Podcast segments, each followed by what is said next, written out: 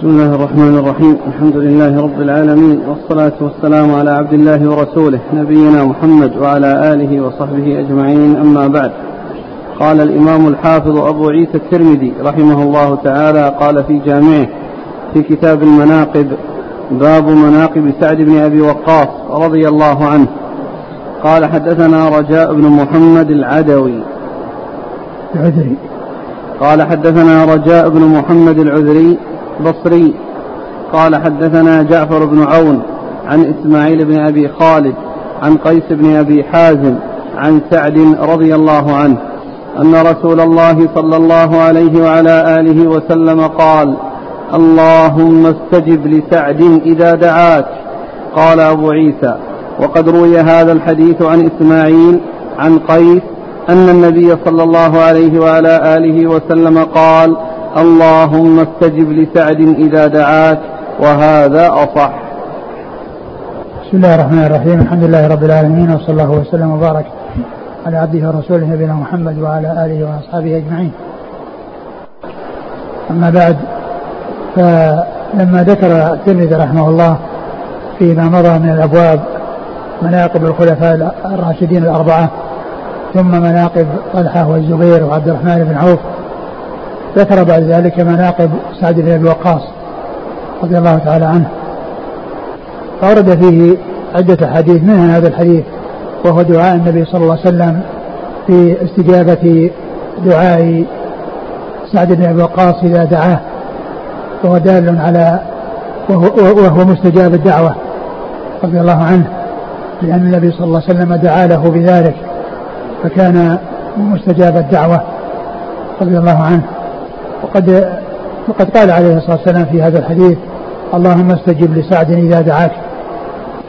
وهذا سؤال من الله عز وجل ربه أن يجيب دعاء سعد إذا دعاه ولهذا فإنه رضي الله عنه كان مستجاب الدعوة. وقد جاء في الحديث أن أن أن الرجل الذي تكلم عليه بين الناس ويعني تكلم به كلاما آه، ليس بصحيح. ودعا عليه قال اللهم إن كان كاذبا فيقول باطل عمره وأكثر فقره وعرضه للفتن فلم يمت إلا وقد حصلت له هذه الأمور التي دعا عليه فيها والحديث موجود في صحيح البخاري وفي غيره في كونه دعا على من حصل منه ذلك له وأجاب الله دعاءه فحصلت له هذه الأمور الثلاثة. وهي كونه يعمر ويكثر فقره ويكون متعرضا للفتن. قال حدثنا رجاء بن محمد العذري بصري. هو, هو؟ ثقة أخرجه الترمذي. نعم. عن جعفر بن عون. وهو؟ صدوق أخرجه أصحاب الكتب. نعم. عن إسماعيل بن أبي خالد. وهو ثقة أخرجه أصحاب الكتب. عن قيس بن أبي حازم. قيس بن أبي حازم وهو ثقة مخضرا أخرج له أصحاب الكتب وهو الذي يقال إنه روى عن العشرة المبشرين بالجنة. نعم. عن سعد. عن سعد بن أبي وقاص رضي الله عنه أخرج له أصحاب الكتب. قال حدثنا أبو كريب وأبو سعيد الأشج قال حدثنا أبو أسامة عن مجالد عن عامر الشعبي عن جابر بن عبد الله رضي الله عنهما أنه قال أقبل سعد رضي الله عنه فقال النبي صلى الله عليه وعلى آله وسلم هذا خالي فلي فليرني فليرني. فليرني امرؤ خاله. قال هذا حديث حسن غريب لا نعرفه إلا من حديث مجالد وكان سعد بن أبي وقاص من بني زهرة. وكانت أم النبي صلى الله عليه وسلم من بني زهرة. فلذلك قال النبي صلى الله عليه وسلم هذا خالي. ثم ورد أبو عيسى أبو, أبو عيسى رحمه الله هذا الحديث فيما لاقي سعد وأن النبي صلى الله عليه وسلم قال عنه إنه خاله. يعني وذلك أنه من من من قوم هم أخواله لأنه زهري وأم الرسول صلى الله عليه وسلم آمنة بنت وهب هي من بني زهرة ابن كلاب. ف فالرسول عليه الصلاة والسلام قال إنه خالة لأنه من من من من, من قوم أمه الذين هم بنو زهرة الذين هم أخوال الرسول عليه الصلاة والسلام. وقول النبي صلى الله عليه وسلم هذا الكلام في حقه لا شك أن هذه آه، تشريف له ومنقبة آه، له. كون النبي صلى الله عليه وسلم يقول فيه هذه المقالة وأنه خاله لأنه من قوم أمه الذين هم بنو زهرة. نعم. قال حدثنا أبو كريب. أبو كريب محمد بن العلاء. ابن كريب ثقة أخرج أصحاب الكتب. وأبو سعيد الأشج. وهو عبد الله بن سعيد الأشج ثقة أخرج أصحاب الكتب. عن أبي أسامة. أبو أسامة حماد بن أسامة. وهو ثقة أخرج أصحاب الكتب. عن مجالد. عن مجالد ليس بالقوي أخرج له. مسلم وأصحاب السنن. مسلم وأصحاب السنن لكنه توبع فإنه رواه يعني أيضا عن عن شيخه آه، من هو شيخه؟ الشعبي. الشعبي رواه إسماعيل بن أبي خالد. إسماعيل بن أبي خالد رواه فإذا هو متابع له والمعتبر آه، رواية إسماعيل بن أبي خالد. نعم. وهو أخرج له. مسلم وأصحاب السنن نعم. عن عامر الشعبي. عامر بن شراحيل الشعبي ثقة أخرج أصحاب الكتب. عن جابر بن عبد الله. جابر بن عبد الله الأنصاري رضي الله عنهما أحد السبع المكثرين من حديث الرسول صلى الله عليه وسلم.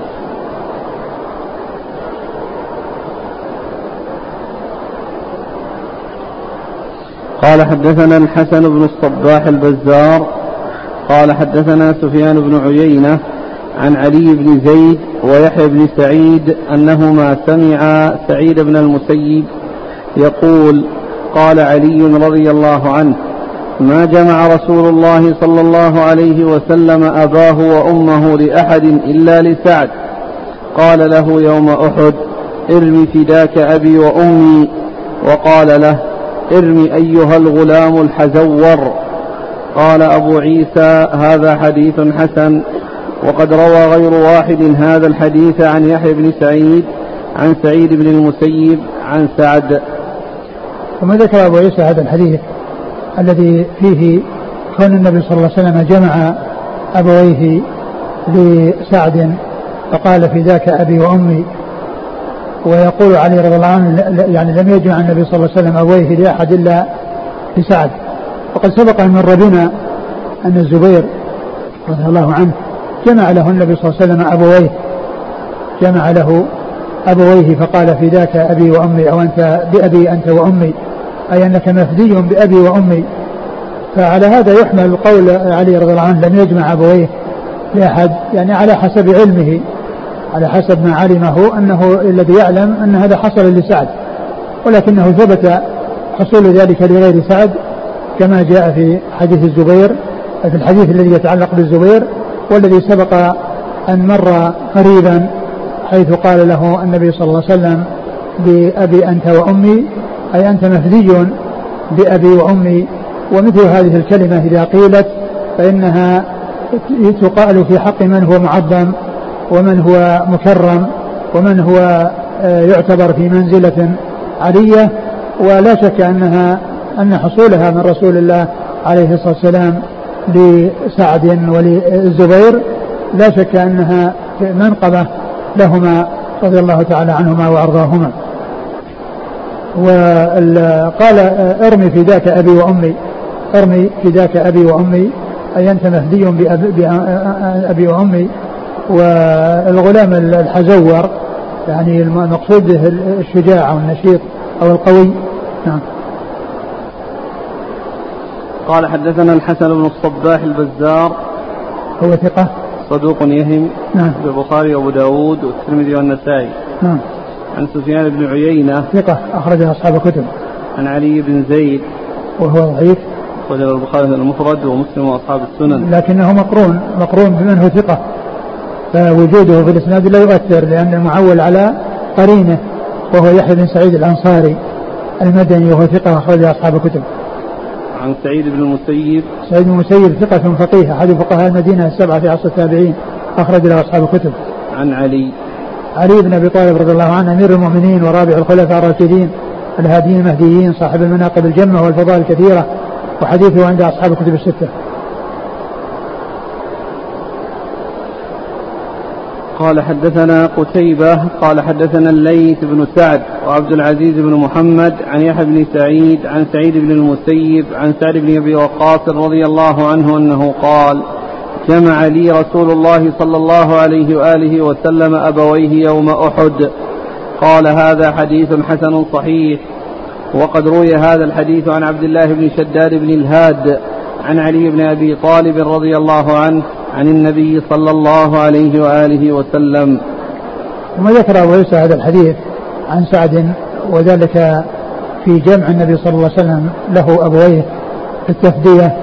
وهو مثل الحديث الذي تقدم مثل الحديث الذي تقدم عن علي رضي الله عنه أن النبي صلى الله عليه وسلم جمع له أبويه. نعم. قال حدثنا قتيبة. وثقة أخرج أصحاب الكتب. عن الليث بن سعد. الليث بن سعد ثقة فقيه أخرج أصحاب الكتب. وعبد العزيز بن محمد. صدوق أخرج أصحاب الكتب. عن يحيى بن سعيد عن سعيد بن المسيب عن سعد بن أبي وقاص. نعم. قال حدثنا بذلك محمود بن غيلان. قال حدثنا وكيع. قال حدثنا سفيان. عن سعد بن إبراهيم عن عبد الله بن شداد عن علي بن أبي طالب رضي الله عنه أنه قال ما سمعت النبي صلى الله عليه وآله وسلم يفدي أحدا بأبويه إلا لسعد فإني سمعته يقول يوم أحد ارمي سعد فداك أبي وأمي. قال هذا حديث صحيح. ثم أيضا ذكر هذا الحديث عن علي رضي الله عنه وهو مثل ما تقدم أن في الأول لم يجمع النبي صلى الله عليه وسلم أبويه لأحد إلا لسعد وهنا قال ما سمعت النبي صلى الله عليه وسلم جمع أبويه لأحد إلا لسعد. وهذا يبين أنه آه هذا هو الذي بلغه أنه ما بلغه إلا في حق سعد وأنه لم يبلغ يعني ومعنى ذلك أنه لم يبلغه ما جاء في حق الزبير ما هو صحيح ثابت وقد مر قريبا في مناقب الزبير رضي الله عنه. نعم.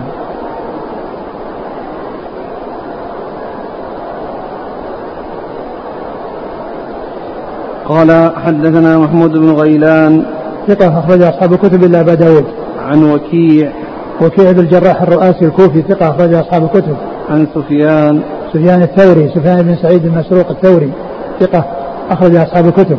عن سعد بن إبراهيم. وهو ثقة أخرج أصحاب الكتب. عن عبد الله بن شداد. وهو ثقة أخرج أصحاب الكتب. نعم. عن علي بن أبي طالب. نعم.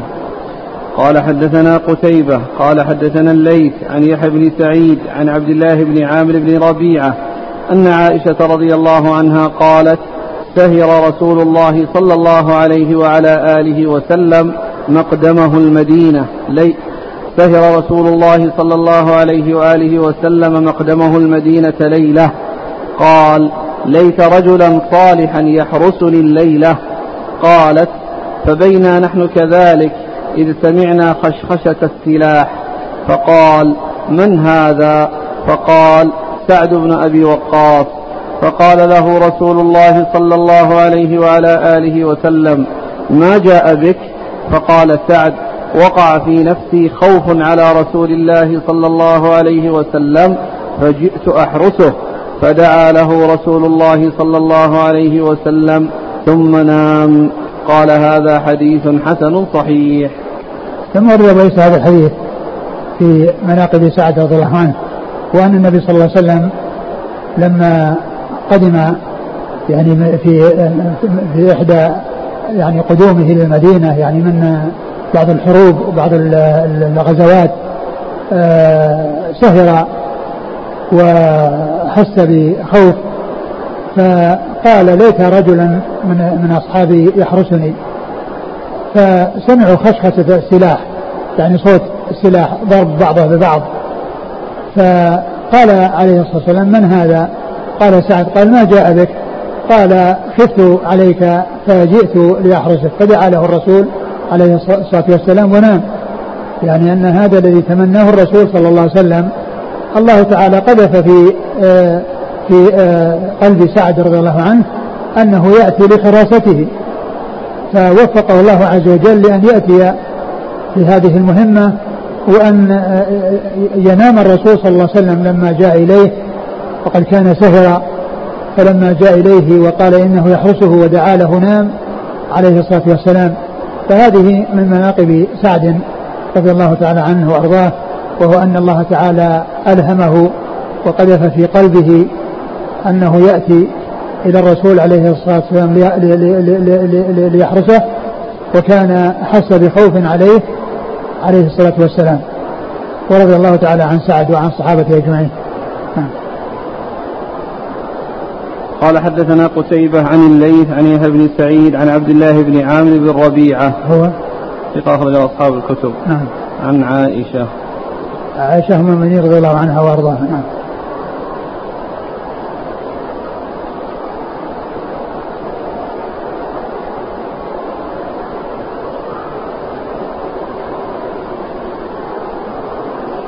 قال رحمه الله تعالى باب مناقب سعيد بن زيد بن عمرو بن نفيل رضي الله عنه. قال حدثنا أحمد بن منيع قال حدثنا هشيم قال أخبرنا حسين عن هلال بن إساف عن عبد الله بن ظالم المازني عن سعيد بن زيد بن عمرو بن نفيل رضي الله عنه أنه قال أشهد على التسعة إنهم في الجنة ولو شهدت على العاشر لم آثم. قيل وكيف ذلك؟ قال كنا مع رسول الله صلى الله عليه وعلى آله وسلم بحراء. فقال اثبت حراء فإنه ليس عليك إلا نبي أو صديق أو شهيد. قيل ومن هم؟ قال قال رسول الله صلى الله عليه وسلم وأبو بكر وعمر وعثمان وعلي وطلحة والزبير وسعد وعبد الرحمن بن عوف قيل فمن العاشر؟ قال أنا. قال أبو عيسى هذا حديث حسن صحيح وقد روي من غير وجه عن سعيد بن زيد عن النبي صلى الله عليه وسلم. قال حدثنا أحمد بن منيع. قال حدثنا الحجاج بن محمد. قال حدثني شعبة عن الحر بن الصياح عن عبد الرحمن بن الأخنس عن سعيد بن يزيد رضي عن سعيد بن زيد سعيد بن زيد وهناك الصباح وهو الصياح عن سعيد بن زيد رضي الله عنه عن النبي صلى الله عليه وسلم نحوه بمعناه قال هذا حديث حسن. ثم روي أبو عيسى مناقب سعيد بن زيد رضي الله تعالى عنه وأحد العشرة المبشرين بالجنة. وقد سبق ذكر حديثه عن تسعة وهو العاشر. في مناقب عبد الرحمن بن عوف لأن الترمذي رحمه الله أورد حديث العشرة المبشرين بالجنة من مسند عبد الرحمن بن عوف وهو الذي ساق الترمذي على ترتيبه ترتيب العشرة في حديثه آه، أبواب مناقب العشرة المبشرين بالجنة على حسب ترتيبهم في حديث عبد الرحمن بن عوف وهم بعد الأربعة. الخلفاء عبد آه، طلحة ثم الزبير ثم عبد الرحمن بن عوف ثم سعد بن وقاص ثم آه، أبو سعيد ثم سعيد بن زيد ثم أبو عبيدة بن الجراح ثم أبو عبيدة بن الجراح رضي الله تعالى عنهم وعن الصحابة أجمعين. وكذلك أورد حديث سعيد بن زيد الذي فيه ذكر الأربعة ذكر العشرة وذكر التسعة فقيل من من العاشر؟ فقال أبو الأعور في الجنة. أبو الأعور يعني نفسه. الذي سعيد بن زيد كنيته بالأعور وهنا أورد هذا الحديث في مناقبه أنه ذكر التسعة وقال لو ذكرت العاشر لم آثم. لو ذكرت العاشر لم آثم يعني أنه آه يكون صادقا ولا يأثم في كونه يذكر العاشر وهو هو نفسه. لأنه ما لأن إخباره عن نفسه وعن غيره إنما هو إخبار عن رسوله صلى الله عليه وسلم. وهو صادق لا يحصل منه الكذب فيأثم وإنما هو صادق فيما يرويه عن رسول الله عليه الصلاة والسلام. نعم.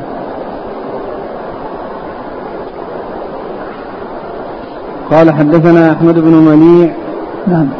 عن هشيم. هشيم بن بشير الواسطي ثقة أخرج أصحاب الكتب. عن حصين. حسين بن عبد الرحمن ثقة أخرج أصحاب الكتب. عن هلال بن إساف وهو ثقة في البخاري تعليقا ومسلم وأصحاب السنن. نعم عن عبد الله بن ظالم المازني وهو؟ صدوق أصحاب السنن. نعم عن سعيد بن زيد بن عمرو بن نفيل. نعم قال حدثنا أحمد بن منيع عن الحجاج بن محمد. الحجاج محمد المصيصي الأعور وهو ثقة أخرج له أصحاب الكتب. عن شعبة. شعبة بن الحجاج الواسطي ثقة أخرج أصحاب الكتب. عن الحر بن الصياح. الحر بن الصياح هو؟ ثقة أخرج أبو داود والترمذي والنسائي. عن عبد الرحمن بن الأخنس. وهو؟ مستور أخرج أبو داود والترمذي والنسائي. نعم.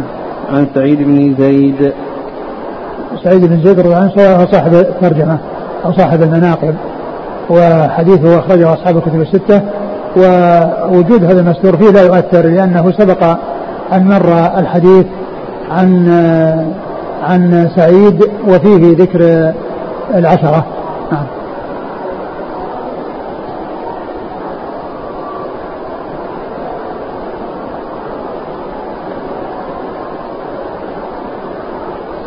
قال بعده قال رحمه الله تعالى باب مناقب العباس بن عبد المطلب رضي الله عنه.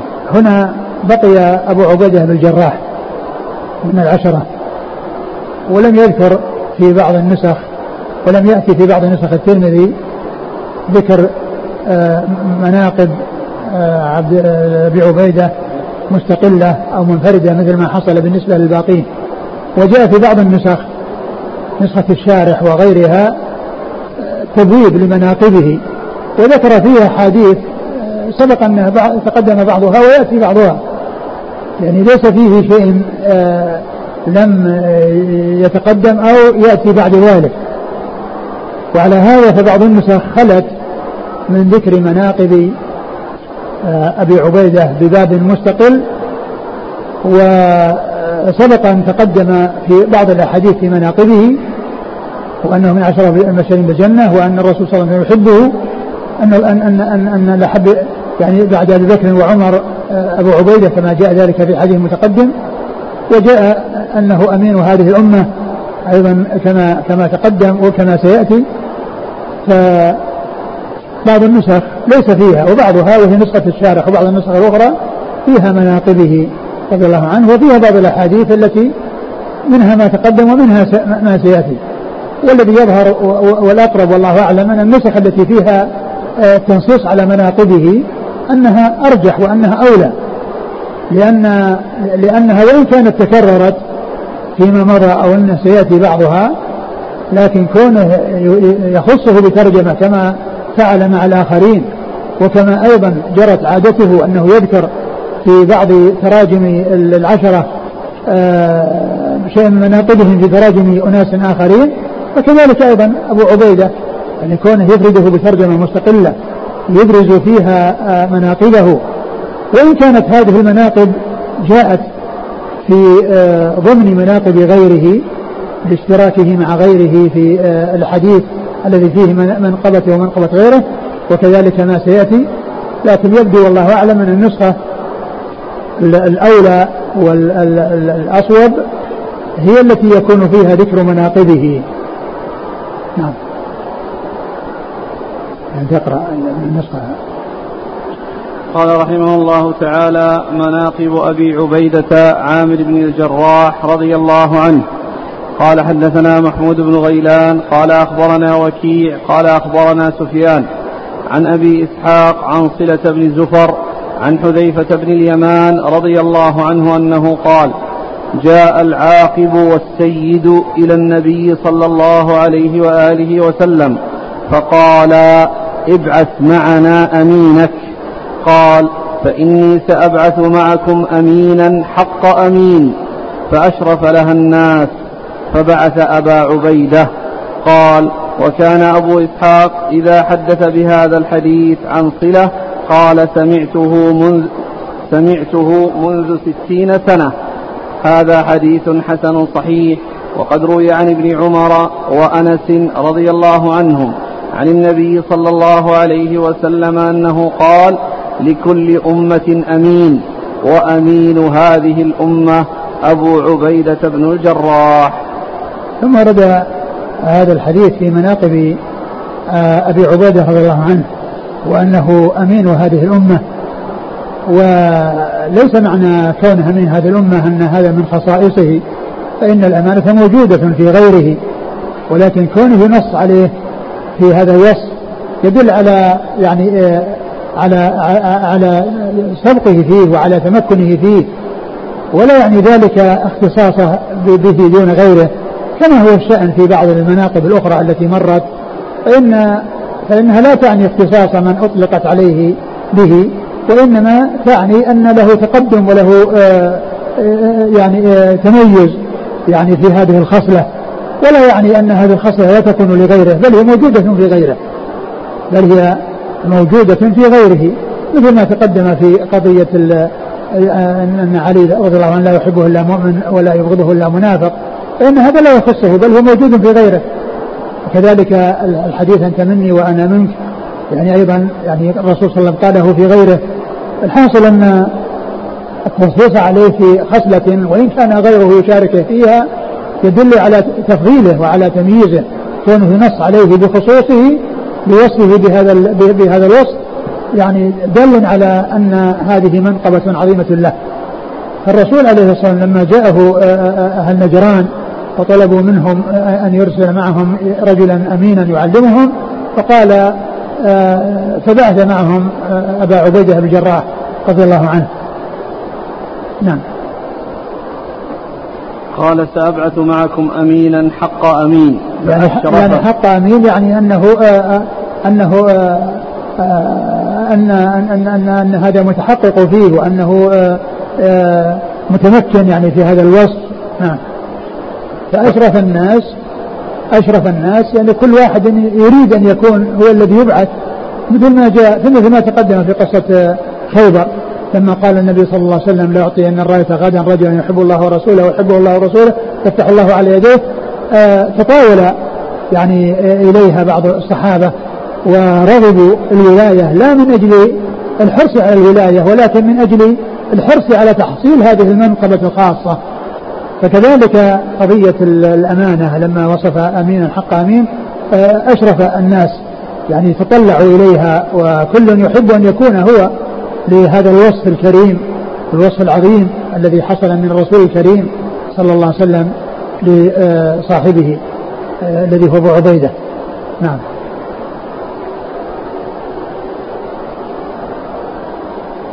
قال حدثنا محمود بن غيلان. نعم. عن وكيع نعم. عن سفيان نعم. سفيان الثوري مرة نعم. عن أبي إسحاق. أبو إسحاق السبيعي عمرو بن عبد الله بن عمرو بن عبد الله الهمداني السبيعي ثقة أخرج أصحاب الكتب. عن صلة عن عن صلة بن زفر وهو؟ ثقة أخرج أصحاب الكتب. نعم. عن حذيفة بن اليمان. رضي الله تعالى عنهما أخرج له أصحاب الكتب. قال وكان أبو إسحاق إذا حدث بهذا الحديث عن صلة قال سمعته منذ ستين سنة. يعني هذا فيه تصريح بالسماع وأنه سمع لأنه مدلس. والمدلس إذا صرح بالسماع يعني فإن آه، أنه يؤمن ما يخشى من تدليسه. نعم.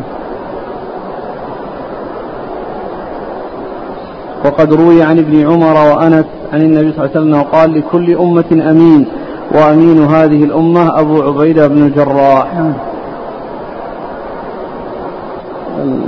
الحديث سيأتي في باب يعقده المؤلف مناقب معاذ بن جبل وزيد بن ثابت وأبي وأبي عبيدة بن الجراح. نعم. يعني هناك يعني مشترك. يعني له ولغيره. و يعني في حديث يعني يكون فيه مجموعة يشملهم. ولكن كونه يعني يعقد له ترجمة خاصة يبين فيها مناقبه لا شك أن هذا هو هو الأولى.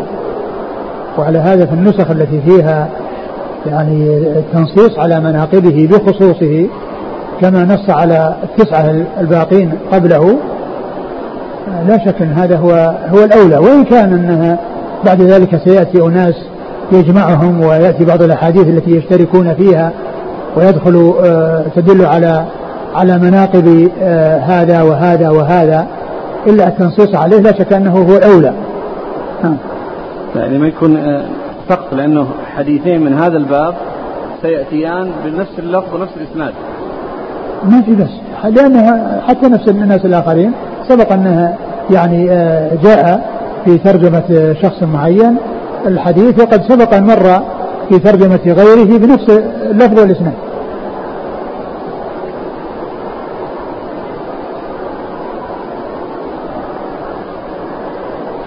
قال حدثنا محمد بن بشار قال أخبرنا سلم بن قتيبة وأبو داود عن شعبة عن أبي إسحاق قال قال حذيفة رضي الله عنه قلب صلة بن زفر من ذهب.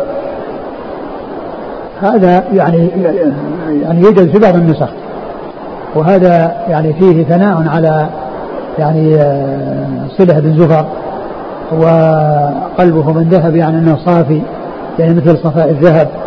يعني فهو ثناء عليه. نعم. قال حدثنا محمد بن بشار.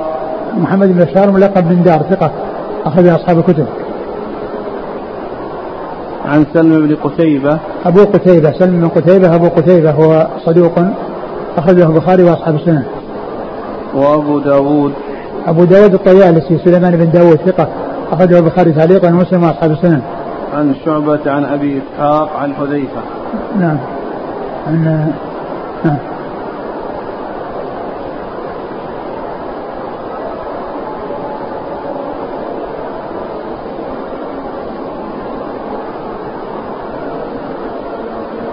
قال حدثنا أحمد الدورقي قال أخبرنا إسماعيل بن إبراهيم عن الجريري عن عبد الله بن شقيق قال قلت لعائشة رضي الله عنها أي أصحاب النبي صلى الله عليه وسلم كان أحب إليه؟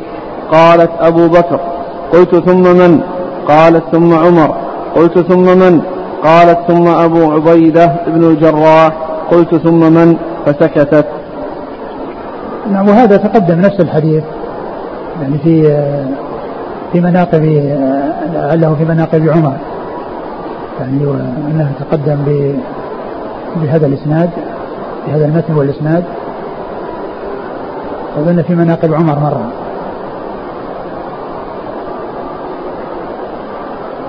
مناقب أبي بكر. نعم. نفس الإسناد. نفس الإسناد؟ نعم. آه. الإسناد هو ثالث حديث في مناقب أبي بكر الصديق. نعم. ثالث حديث في نعم. مناقب أبي بكر الصديق. نعم. والإسناد قال حدثنا أحمد الدورقي. أحمد بن إبراهيم الدورقي ثقة أخرج له. مسلم وأبو داود والترمذي وابن نعم. ماجه. نعم. عن إسماعيل بن إبراهيم. هو بن علية ثقة أخرج أصحاب الكتب. عن الجريري. سعيد بن إياس الجريري ثقة أخرج أصحاب الكتب. عن عبد الله بن شقيق وهو ثقة أخرج البخاري في الأدب المفرد ومسلم وأصحاب السنن. نعم. عن عائشة. نعم. قال حدثنا قتيبة قال أخبرنا عبد العزيز بن محمد عن سهيل بن أبي صالح عن أبيه عن أبي هريرة رضي الله عنه أنه قال قال رسول الله صلى الله عليه وعلى آله وسلم نعم الرجل أبو بكر نعم الرجل عمر نعم الرجل أبو عبيدة بن الجراح. قال هذا حديث حسن إنما نعرفه من حديث سهيل. ثم ورد أبو عيسى هذا الحديث في فضل أبي عبيدة وذلك بهذا الحديث الذي قرن فيه بأبي بكر وعمر حيث قال النبي صلى الله عليه وسلم نعم الرجل أبو بكر نعم الرجل عمر نعم الرجل أبو عبيدة. فهذا دال على فضل هؤلاء الثلاثة. وأبو عبيدة هو ثالثهم. نعم. قال حدثنا قتيبة عن عبد العزيز بن محمد عن سهيل بن أبي صالح. سهيل بن أبي صالح صدوق. اخرج له أصحاب الكتب وروايته في في, في البخاري مقرون. عن؟ عن ابيه عن ابيه ذكوان السمان. أبو صالح ذكوان السمان ثقة اخرج أصحاب الكتب. عن أبي هريرة رضي الله عنه أكثر الصحابة حديثا. قال رحمه الله تعالى باب مناقب العباس بن عبد المطلب رضي الله عنه. قال حدثنا قتيبة قال حدثنا أبو عوانة عن يزيد بن أبي زياد عن عبد الله بن الحارث. قال حدثني عبد المطلب بن ربيع بن الحارث بن عبد المطلب رضي الله عنه أن العباس بن عبد المطلب رضي الله عنه دخل على رسول الله صلى الله عليه وعلى آله وسلم مغضبا. وأنا عنده. فقال ما أغضبك؟ قال يا رسول الله ما لنا ولقريش. إذا تلاقوا بينهم تلاقوا بوجوه مبشرة. وإذا لقونا لقونا بغير ذلك. قال فغضب رسول الله صلى الله عليه وسلم حتى احمر وجهه. ثم قال والذي نفسي بيده لا يدخل قلب لا يدخل قلب رجل الإيمان حتى يحبكم لله ولرسوله. ثم قال يا أيها الناس من آذى عني فقد آذاني فإنما عم الرجل صنو أبيه. قال هذا حديث حسن صحيح. ثم ورد أبو عيسى هذا الحديث. عن بدأ ثم بعدما فرغ الترمذي رحمه الله من مناقب العشرة المبشرين بالجنة بدأ في مناقب أهل البيت. في مناقب أهل البيت. ومعلوم أنه تقدم من أهل البيت علي رضي الله عنه وهو أفضل أهل البيت. أفضل رجل من أهل, من أهل البيت بل هو أفضل رجل في الصحابة بعد أبي بكر وعمر وعثمان رضي الله عنه عن عنه وعن الصحابة أجمعين. ذكر بدأ بمناقب أهل البيت. وبدأ بالعباس. وبدأ بالعباس لأنه أقرب أهل البيت إليه عليه الصلاة والسلام لأنه عمه وأهل البيت يعني سواه يعني إما من أبناء عمومته أو من أبنائه صلى الله عليه وسلم اللي هم أبناء بنته. ف فبدأ بالعباس لهذا ولا يعني أنه أفضل من غيره ممن جاء بعده. لأن فيهم الحسن والحسين وقد جاءت الشهادة لهم بالجنة لكنه قدمه لكونه عم الرسول عليه الصلاة والسلام ول آه، ولأنه أقرب الناس إليه من حيث النسب ولو كان النبي صلى الله عليه وسلم يورث لورثه العباس دون غيره من بني من, من, من, من, من بني عمومته لأنه أعلى منهم درجة. و فلو كان يورث عنه المال عليه الصلاة والسلام لا كان الميراث للعباس بعدما تأخذ الزوجات الثمن وفاطمة رضي الله عنها النصف الباقي لأولى رجل ذكر هو العباس. كما قال عليه الصلاة والسلام ألحق الفرائض بأهلها فما أبقت الفرائض فلأولى رجل ذكر. فهو أقرب الناس إليه رضي الله تعالى عنه وأرضاه. ولهذا عمر رضي الله عنه في الاستسقاء لما حصل الجذب قدمه على غيره لأنه عم الرسول صلى الله عليه وسلم. فطلب منه أن يدعو واستسقى وتوسل بدعائه فقال اللهم إنا كنا اذا جدنا توسلنا إليك بنبينا فاسقينا وإنا نتوسل إليك بعم نبينا. فاسقنا قم يا عباس رضي الله. فهذا هو وجه تقديمه على غيره. لا لأنه أفضل من ذكر من أهل البيت يعني في هذه التراجم. ولكن لبيان آه، آه، آه، أولويته من حيث النسب وأقرب وكونه أقرب الناس إليه من حيث النسب رضي الله عنه وأرضاه. ثم ورد هذا الحديث الذي فيه الذي قال أن أن أن قريشا إذا لقونا إذا كانوا في بينهم يعني في قلوب وجوه مبشرة يعني يظهر عليها البشر والفرح وإذا لقونا حصل منهم يعني وجوه يعني يظهر عليها الغضب. فالرسول صلى الله عليه وسلم تكلم بهذا وقال لا لا لا أنه لا يحصل الإيمان إلا أن آه، يحبوه لله يحبوا آه، يحبوا ال بيته لقرابة إيش اللفظ كان؟ قال لا يدخل. لا يدخل قلب رجل الإيمان حتى يحبكم لله ولرسوله. حتى يحبكم لله ولرسوله يعني لقرابة الرسول صلى الله عليه وسلم يعني لقرابتكم من رسول الله عليه الصلاة والسلام. ولا شك أن من كان من أصحاب الرسول صلى الله عليه وسلم آه، فإنه عنده آه، خصلتان آه، خصلتان عظيمتان إحداهما الصحبة والثانية القرابة. يعني جمع بين صحبة الرسول صلى الله عليه وسلم وقرابته منه. فهما وصفان كريمان وصفان عظيمان الصحبة والقرابة ومن لم يكن قريبا فإنه عنده صحبة فإنه عنده صحبة. ومعنى ذلك أن أهل بيت الرسول صلى الله عليه وسلم يحبون لقرابتهم من رسول الله صلى الله عليه وسلم ولقربهم منه عليه, عليه الصلاة والسلام. وهذه طريقة أهل السنة والجماعة. يحبون أهل البيت ويحبون أصحاب الرسول عليه الصلاة والسلام. ومن جمع بين القربة والصحبة فإنه يحبونه لهذا ولهذا. ومن كان قريبا وليس بصاحب ولكنه من التابعين فإنه يحبونه لقربه من رسول الله عليه الصلاة والسلام.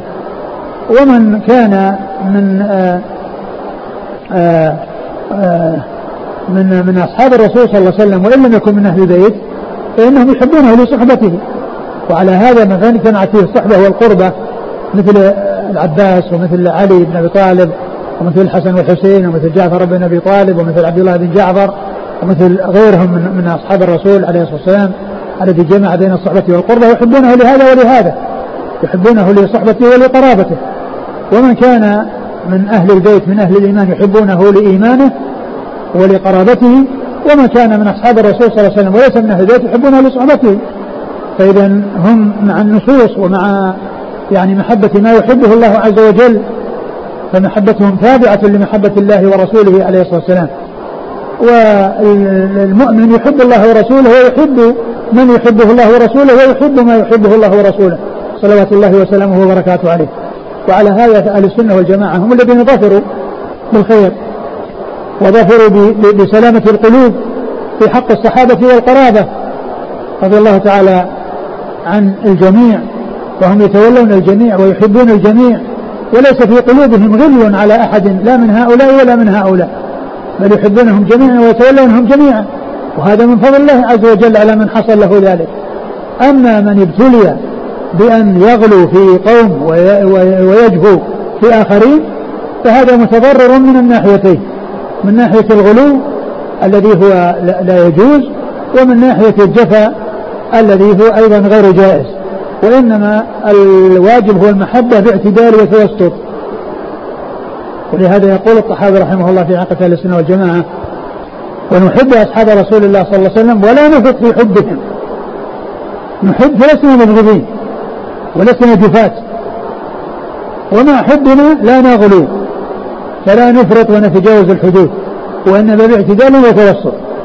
باعتدال وتوسط. نحب الجميع وننزل كل منزلته على الوجه الذي آه، دلت عليه النصوص ولا نتجاوز الحدود ولا نقصر عن ما هو مطلوب. فلا غلو ولا جفا ولا إفراط ولا تفريط وإنما اعتدال وتوسط. أقرأ الحديث. عن عبد المطلب الربيعة قال دخل العباس بن عبد المطلب على رسول الله صلى الله عليه وسلم مغضبا وأنا عنده فقال ما أغضبك؟ قال يا رسول الله ما لنا ولقريش. إذا تلاقوا بينهم تلاقوا بوجوه مبشرة وإذا لقونا لقونا بغير ذلك. قال فغضب رسول الله صلى الله عليه وسلم حتى أحمر وجهه. ثم قال والذي نفسي بيده لا يدخل قلب رجل الإيمان حتى يحبكم لله ولرسوله. ثم قال يا أيها الناس من آذى عمي فقد آذاني فإنما عم الرجل صنو أبيه. وعم الرجل صنو أبيه هذه جاءت في طرق متعددة. يعني صنو أبيه عم الرجل صنو أبيه يعني أنه مثل أبيه لأن الصنو هو مثل الشجرة التي يعني يكون لها فرعان. فكل واحد منهما صنو يعني للآخر يعني مثل الآخر. يعني فعم الرجل صنو أبيه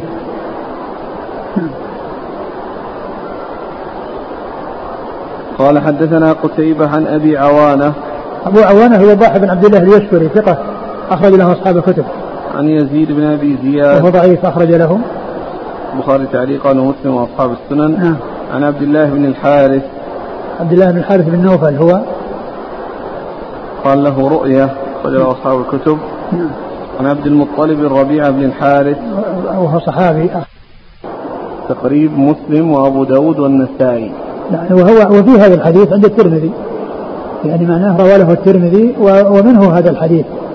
يعني من رواية هذا الحديث. فإذا يعني ما يكون في التقريب يعني يضاف إليه تاء ويشار لها رقم هذا الحديث. قال حدثنا القاسم بن دينار الكوفي. قال حدثنا عبيد الله عن إسرائيل عن عبد الأعلى عن سعيد بن جبير عن ابن عباس رضي الله عنهما أنه قال قال رسول الله صلى الله عليه وسلم العباس مني وأنا منه. قال هذا حديث حسن صحيح غريب لا نعرفه إلا من حديث إسرائيل. ثم أورد أبو عيسى هذا الحديث وهو أن النبي صلى الله عليه وسلم قال العباس مني وأنا منه. العباس مني وأنا منه. وهذا اللفظ قد جاء في حق علي رضي الله عنه سبق كما سبق أن تقدم كما تقدم. وجاء أيضا عن بعض الصحابة في حق بعض الصحابة ممن ليس من أهل البيت وهو جليبيب حيث قال هو مني وأنا منه. وجاء أيضا في عموما في حق الأشعريين كما قال عليه الصلاة والسلام هم مني وأنا منهم. هم مني وأنا منهم. فإذا هذا وصف الرسول عليه الصلاة والسلام قاله في حق أفراد وفي حق جماعات. قاله في حق أفراد وفي حق جماعات. و و وهنا قاله في حق العباس رضي الله عنه. ولا شك أن أنه هو منه وهو يعني الرسول منه والعباس منه. بل هو أقرب قريب له من حيث النسب. نعم. قال حدثنا القاسم بن دينار. هو ثقة أخرج له. مسلم والترمذي والنسائي بن ماجه. نعم. عن عبيد الله. هو بن موسى ثقة أخرج أصحاب الكتب. عن إسرائيل. هو ابن ابن أبي إسحاق ثقة أخرج أصحاب الكتب. عن عبد الأعلى. هو الثعلبي وهو صدوق يهم أخرج نعم. أصحاب السنن. نعم. عن سعيد بن جبير. وهو ثقة فقيه أخرج أصحاب الكتب. عن ابن عباس. عبد الله بن عباس رضي الله عنهما أحد العبادلة وأحد السبع المكثرين من حديث الرسول صلى الله عليه وسلم. قال حدثنا أحمد بن إبراهيم الدورقي قال حدثنا وهب بن جرير قال حدثني أبي قال سمعت الأعمش يحدث عن عمرو بن مرة عن أبي البختري عن علي رضي الله عنه أن النبي صلى الله عليه وعلى آله وسلم قال لعمر في العباس إن عم الرجل صنو أبيه وكان عمر تكلم في صدقته قال هذا حديث حسن صحيح. ثم ورد أبو عيسى هذا الحديث عن عن عن علي. نعم. عن علي. عن علي رضي الله عنه. أن الرسول أن أن النبي صلى الله عليه وسلم قال رجل سن أبيه قال لعمر في العباس. نعم. قال لعمر في العباس إن عم رجل سن أبيه وهذا الحديث سبق أن رواه البخاري ومسلم في صحيحيهما في قصة بن جميل وخالد بن الوليد والعباس وقيل لما قيل أنهم منعوا الزكاة وأنهم لم يبادروا إلى تسليمها فالرسول صلى الله عليه وسلم قال ما ينقم من الجميل إلا ان كان فقيرا فأغناه الله. وأما وأما خالد فإنكم تعتذر تظلمون خالدا وقد احتبس أدراعه واعتاد في سبيل الله. وأما العباس فهي علي ومثلها. أما علمت أن عم الرجل يصن أبيه؟ أما علمت يا عمر أن عم الرجل صن أبيه؟ فكلمة صنو أبيه هذه جاءت في الحديث المتقدم وجاءت في حديث عمر رضي الله تعالى عنه في في حديث علي رضي الله عنه وجاء يعني في في في يعني في, في غير يعني يعني في الصحيحين يعني أو في أحدهما لأن زياده سن عمن عمن رجل سن ابيه ليست في الصحيحين جميعا وإنما في أحدهما ولكنها ثابتة في أحد الصحيحين وأما قصة آه، آه، بقية الحديث فإنه موجود في الصحيحين الذي حديث آه، ابن جميل وحديث في قصة ابن جميل وخالد بن وليد والعباس. نعم. قال حدثنا أحمد بن إبراهيم الدورقي عن وهب بن جرير. وهب بن جرير هو؟ ثقة أخرج أصحاب الكتب. نعم. عن أبيه. أبي جرير بن حازم ثقة أخرج أصحاب الكتب. عن الأعمش. سليمان بن مهران ثقة أخرج أصحاب الكتب. عن عمرو بن مرة. وهو ثقة أخرج أصحاب الكتب. عن أبي البختري. أبو البختري هو سعيد بن فيروز وهو ثقة. أخرج أصحاب الكتب. أخرج له أصحاب الكتب ولكن فيه انقطاع لأن البختري لم ليس له رواية عن عن علي رضي الله عنه لكن الحديث كما هو معلوم ثابت في غير من غير هذا الطريق. نعم. قال حدثنا أحمد بن إبراهيم الدورقي قال حدثنا شبابة قال حدثنا ورقاء عن أبي الزناد عن الأعرج عن أبي هريرة رضي الله عنه أن رسول الله صلى الله عليه وعلى آله وسلم قال العباس عم رسول الله صلى الله عم رسول الله وإن عم الرجل صنو أبيه أو من صنو أبيه. قال هذا حديث حسن صحيح غريب. لا نعرفه من حديث أبي الزناد إلا من هذا الوجه. وهذا مثل ما تقدم. نعم. قال حدثنا أحمد بن إبراهيم الدورقي عن شبابة. شبابة بن سوار ثقة أخرج له. أصحاب الكتب. نعم. عن ورقاء. وهو؟ صدوق أخرج أصحاب الكتب. نعم. عن أبي الزناد. وهو عبد الله بن ذكوان المدني ثقة أخرج أصحاب الكتب. عن الأعرج. والأعرج عبد الرحمن بن هرمز ثقة أخرج أصحاب الكتب. عن أبي هريرة. نعم. قال حدثنا إبراهيم بن سعيد الجوهري قال حدثنا عبد الوهاب بن عطاء عن ثور بن يزيد عن مكحول عن حذيفة. عن كريب.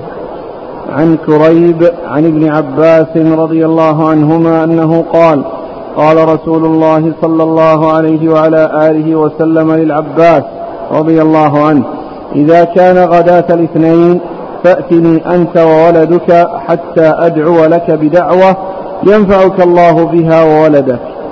فغدا وغدونا معه وألبسنا كساء ثم قال اللهم اغفر للعباس وولده مغفرة ظاهرة وباطنة لا تغادر ذنبا. اللهم احفظه في ولده. قال هذا حديث حسن غريب لا نعرفه إلا من هذا الوجه. هذا الحديث فيه آه، آه، كون النبي صلى الله عليه وسلم قال للعباس إنه يأتي إليه وأولاده ليدعو لهم يعني ياتي يوم الاثنين. والتنصيص على يوم الاثنين يحتمل أن يكون أن هذا اتفاقا أو حصل اتفاقا أنه أراد أن ياتوا يوم الاثنين وأنه وعدهم في هذا اليوم بانه هو اليوم الذي اتفق له أنه آه، يأتون إليه مثل ما لو قال ائتوني يوم الأربعاء أو الثلاثاء ويحتمل أن يكون ذلك دال على فضل الدعاء فيه.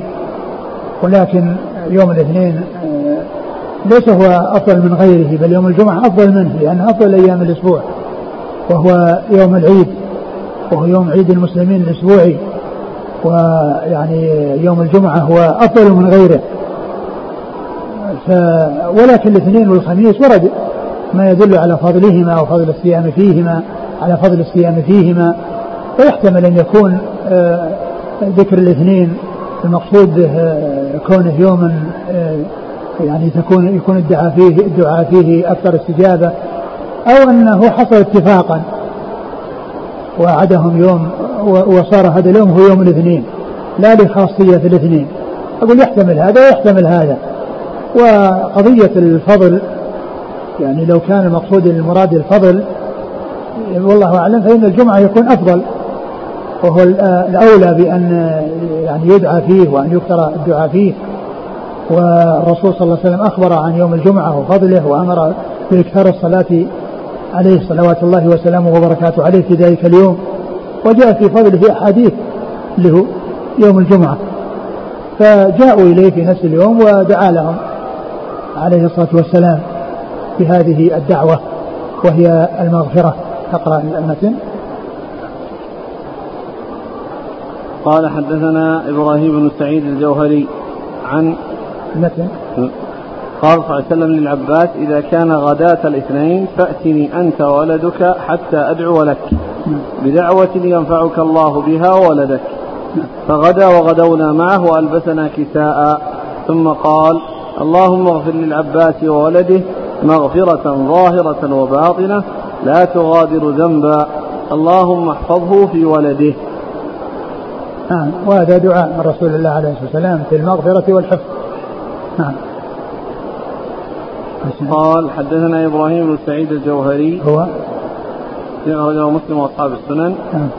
عن عبد الوهاب بن ابن عطاء. وهو؟ صدوق ربما أخطأ. نعم. البخاري في خلق أفعال العباد ومسلم وأصحاب السنن. نعم. عن ثور بن يزيد. وهو؟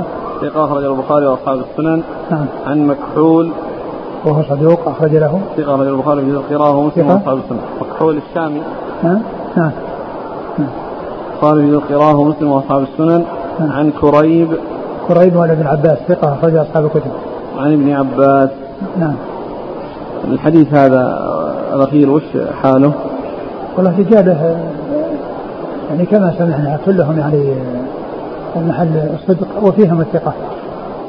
لأنه كما نقل الشارح من التقريب لما ذكر عبد الوهاب بن عطاء قال آه، أنكروا عليه حديثا في فضل العباس يقال دلسه عن ثور نعم وذكروا هذا لكن ظاهر الإسناد يعني من حيث يعني الوصف بالثقة والصدق كل واحد منهم كذلك. يقول آه، هذا كانت فائدة يقول أن الشيخ الألباني في بداية الرواة قال إسناده جيد ثم بدا لي فيه علة عن عنت مكحول.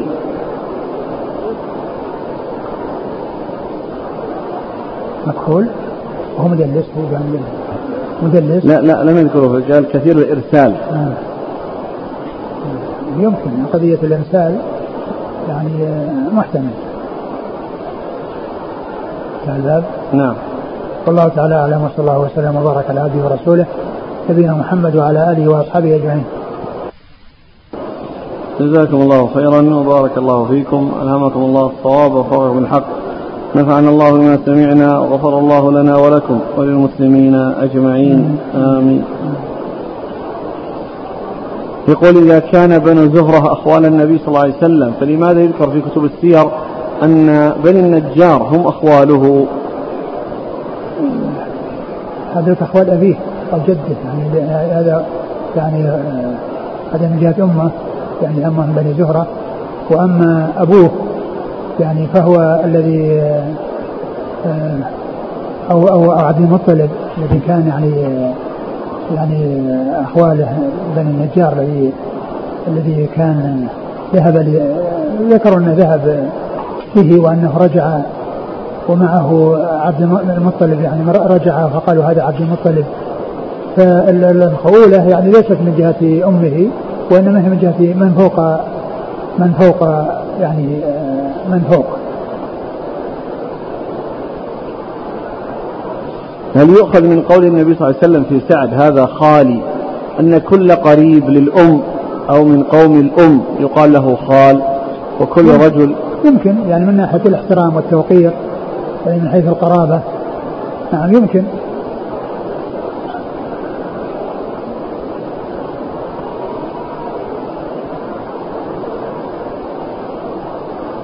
يقول الشيخ الألباني حكم الحديث سعد لما قال آه، الغلام الحزور. قال منكر بذكر الغلام الحزور. لماذا؟ إيش وجهه؟ ما في لما قال النبي صلى الله عليه وسلم من يحرسنا الليلة؟ هل كانت هذه الحراسة قبل نزول الآية؟ فسيكفيكهم الله حيث إنه صلى الله عليه وسلم قد ترك الحراسة بعد نزولها. ما أدري إيش تاريخها لكنها في الحديث أنه يعني قال مقدمه. يعني مقدمه من من الغزوات ليس مقدمة يعني المدينة وإنما هو في إحدى الغزوات.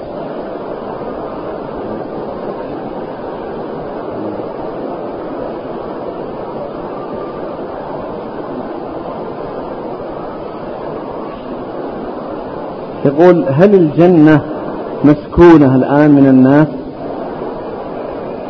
الجنة فيها أقول فيها الحور العين.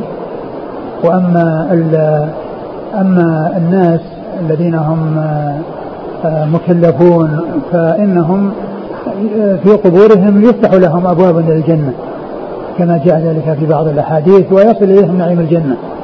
وهم طبعا في قبورهم. وأرواحهم في الجنة كما جاء في الحديث نسمة المؤمن طائر يعلق في الجنة. نسمة المؤمن طائر يعلق في الجنة. وأجسادهم مع أرواحهم في قبورهم تتنعم في آه، قبورهم بنعيم الجنة. مثل ما جاء في حديث البراء بن عازب أنه إذا كان من الموفقين بعد ما يسأل ويجيب الجواب السديد يفتح له باب إلى الجنة فيأتيه من روحها ونعيمها. وإذا كان بخلاف ذلك يفتح له باب إلى النار. فيأتيه من حرها وسمومها. وكما قال في آل فرعون النار يعرضون عليها غدوا وعشيا ويوم تقوم الساعة ادخلوا آل فرعون أشد العذاب. فالأموات في قبورهم وأرواحهم تنعم وتعذب وأجسادهم مع أرواحهم تنعم في القبور وتعذب تنعم بنعيم الجنة وتعذب بعذاب النار في حق من يستحق النعيم وحق من يستحق العذاب. يقول آه، امرأة كبيرة في السن تعمل في الحرم النبوي توفي زوجها ليس لها أحد هنا. هل يجوز لها أن تستمر في العمل دون أن تعتد أن تعتد لحاجتها إلى المال؟ لا أدري. يقول آه، ورد أكثر من حديث يدل على زيارة النبي صلى الله عليه وسلم وأصحابه لحراء.